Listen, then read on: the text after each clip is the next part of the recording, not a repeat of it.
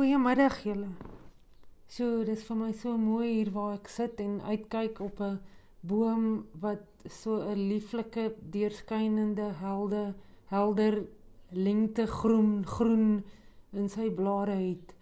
En ek dink aan die clivias in ons tuin wat so 'n helder oranje uh kleur het en en so lieflik vir ons pronk en ek besef hoeveel opgewondenheid daar oor die nuwe seisoen in my hart is en raak ek bly om te dink ek kan weer nuwe projekte aanpak en uh dat die koue 'n bietjie hopelik eers 'n bietjie wyk. Maar ek is deeglik bewus daarvan dat dit nie almal is wat so in hulle siele voel nie. Miskien is daar van ons wat wat maar probeer, wat maar probeer opgewonde wees, maar ons weet in ons harte ons sien nie daai kleur soos wat ons dit moet sien nie. Sien nie die nuwe seisoen met die opgewondenheid wat ander mense daarna kyk nie. En een van die redes wat daartoe aanleiding gee is wanneer iemand ons 'n groot onreg aangedoen het. Ek weet nie wat die situasie vir jou is nie, dis miskien iets wat uit jou kinderdae uitkom wat jy nog nooit aan aandag gegee het nie. Jy het dit begrawe en gehoop dit gaan weg, maar dit gaan nie weg nie. Miskien is dit 'n familielid wat baie siek was en die hele as familie voel die dokters het verkeerd opgetree. Of miskien was daar net nie genoeg aandag gegee aan die persoon nie en jy voel te nagekom. Dis 'n groot onreg. Miskien is dit 'n verhouding by die werk Miskien is dit 'n kind wat nie meer na jou luister nie. Dalk is jy deur 'n gr groot egskeiding en jy voel dat jy in hierdie verhouding baie sleg hanteer was. Wat ook al jou situasie, ek bid en ek hoop dat vandag se se deel met jou uit God se woord vir jou perspektief sal bring. En ek wil dan nou eers bid voor ons begin lees. Ag Here, ek is so deeglik bewus daarvan dat ek U hulp nodig het. Heilige Gees, dat U asseblief hierdie woorde moet lewendig maak. En wie ook al luister vandag, Here, om tot 'n nuwe insig te kom oor hoe U namens ons opgetree het aan die kruis en wat dit vir ons beteken, Here. En soos wat ons kyk na se Stefanus se voorbeeld ook vir ons, Here, dat dit ons sal inspireer en sal aanmoedig om te besef ons moet na U toe kom vir hulp. Amen. Nou ek wil met uh saam met julle lees uit Handelinge. Handelinge, ons gaan lees Stefanus se storie. Ek gaan nie die hele storie lees nie. So net om agtergrond te gee. Stefanus het tot bekering gekom en begin om die evangelie te bring aan mense en om um, met hulle te werk en natuurlik hierdie Joodse leiers dit besef en uh en was dit het natuurlik met hulle koninkryk ingemeng en hulle wou hom aankla en hulle het hom aangekla voor die Sanhedrin valslik beskuldig en Stefanus het toe gereageer en hom en verdedig met deur hom die evangelie te bring en uh hulle het dan ewiglik daarteenoor gereageer soos ons lees vanaf vers 54 van hoofstuk 7. Kom ek lees vir julle. Toe hulle dit hoor, was hulle woedend in hulle harte en het hulle op hulle tande begin kners.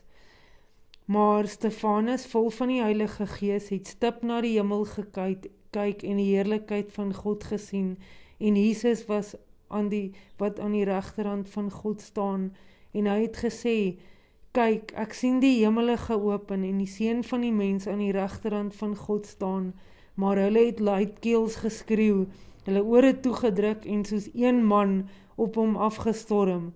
Nadat hulle hom uit die stad uitgesleep het, wou hulle hom stenig.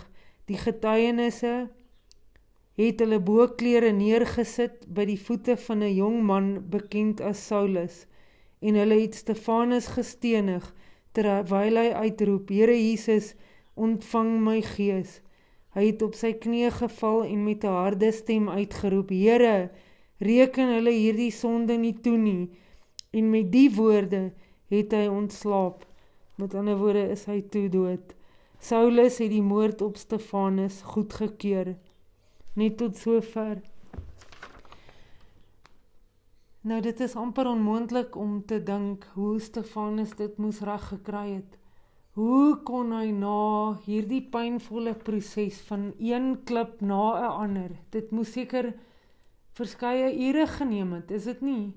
Hang seker af waar die hoe die klippe hom getref het, maar dit moes 'n ruk geneem het, een klip na die ander en dan een klip in die siel na die ander, een vloek in die siel na die ander. Jy weet seker goed net soos ek hoe pynvol dit is wanneer iemand iets vir ons sê wat ons net nie uitgewis kry uit ons gedagtes uit nie. Dit kan 'n klein string woorde wees, maar dit sit vir ewig. En dan het Stefanus 10:10 ook 'n 'n naby verhouding met Saulus gehad. Hy was 10:10 sy medewerker.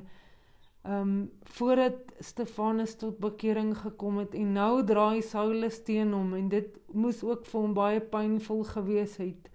En daar staan hy. Ek um, weet nie die teks sê nie vir ons of hy klere aangetree het of nie, maar ek kan my indink dat hy omdat dies wat hom gestenig het, hulle boklere uitgetrek het, het hulle hom ook heel waarskynlik gestroop van sy klere en daar staan hy nakend nakend in sy siel en nakend in sy lyf staan hy en hy word gestenig en hy het dit reg gekry om dit alles oor te gee vir die Here en te sê Here reken hulle dit nie toe nie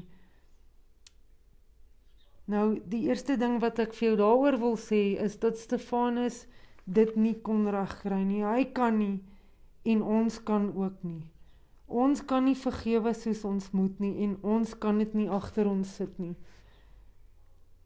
Die tweede ding wat ek vir jou wil uitwys is dat Stefanus die heerlikheid van Jesus gesien het. In vers 55 sê dit maar Stefanus, vol van die Heilige Gees, het stip na die hemel gekyk en die heerlikheid van God gesien en Jesus wat aan die regterhand van God staan. Nou miskien gaan jy nie iets fisies sien nie, maar die Heilige Gees kan hierdie teks vir jou lewend maak en jy kan Jesus self sien en wat hy persoonlik vir jou kom doen het en ek bid dat dit so sal wees vandag. Want dit is wat nodig is. Jy het nodig om 'n persoonlike ervaring van Jesus se werk vir jou te ontvang wat dan moontlik gemaak word deur die Heilige Gees. En dan wil ek hier op hierdie trant wil ek hê ons moet gaan na Jesaja 53 toe. As jy saam met my wil blaai so toe of net wil luister Jesaja 53.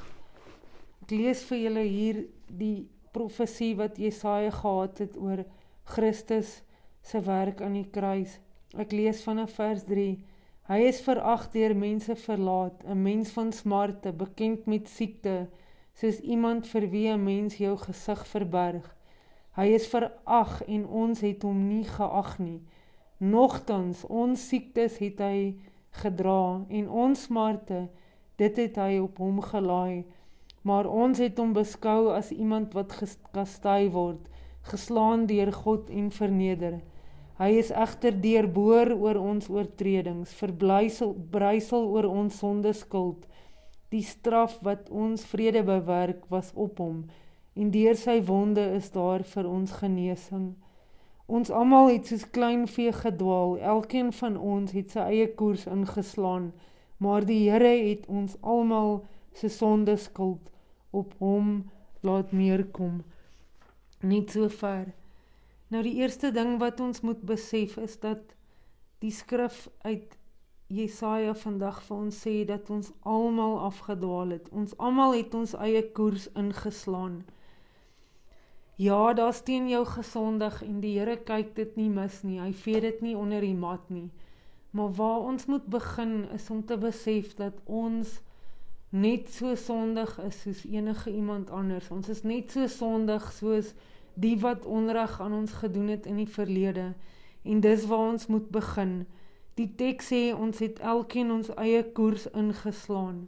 En miskien na die onreg is jy ook besig om jou eie koers in te slaan.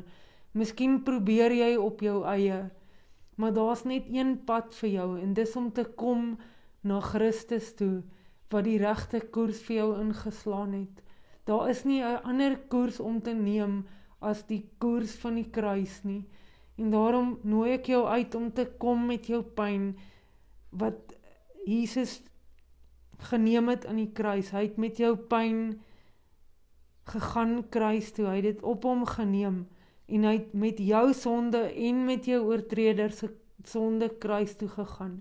Ek het veel gesê jou oortreder het nie se se sonde word nie onder die mat ingevee nie, maar jy hoef dit nie te probeer straf nie, want Jesus en God weet self hoe om dit ten volle te straf.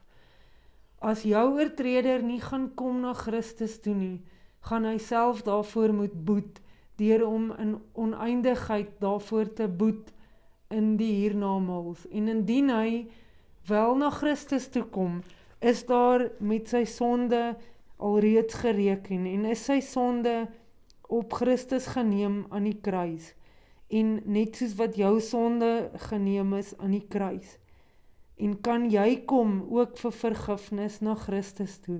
En kan jy kom met jou bitterheid en jou pyn en jou hartseer en kan jy kom en ook vra vir vergifnis vir die manier wat jy dalk gereageer het waarvoor Christus jou verantwoordelik hou.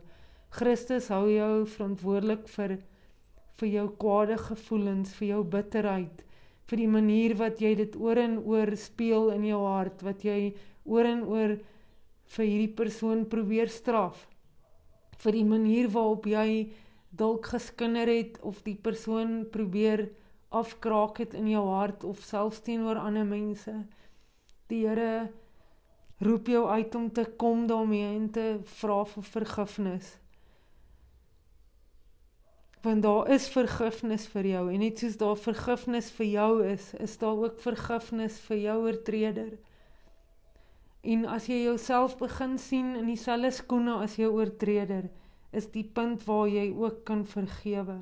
Waar jy so Stefanus wat homself op dieselfde vlak gesien het as Paulus wat hom vermoor het en gewete dat hy ook moord gepleeg het in sy hart teenoor ander mense in die verlede en daarom kon hy kom en en vir Saulus vergewe en nooi ek jou uit om in jou hart ook dieselfde te doen.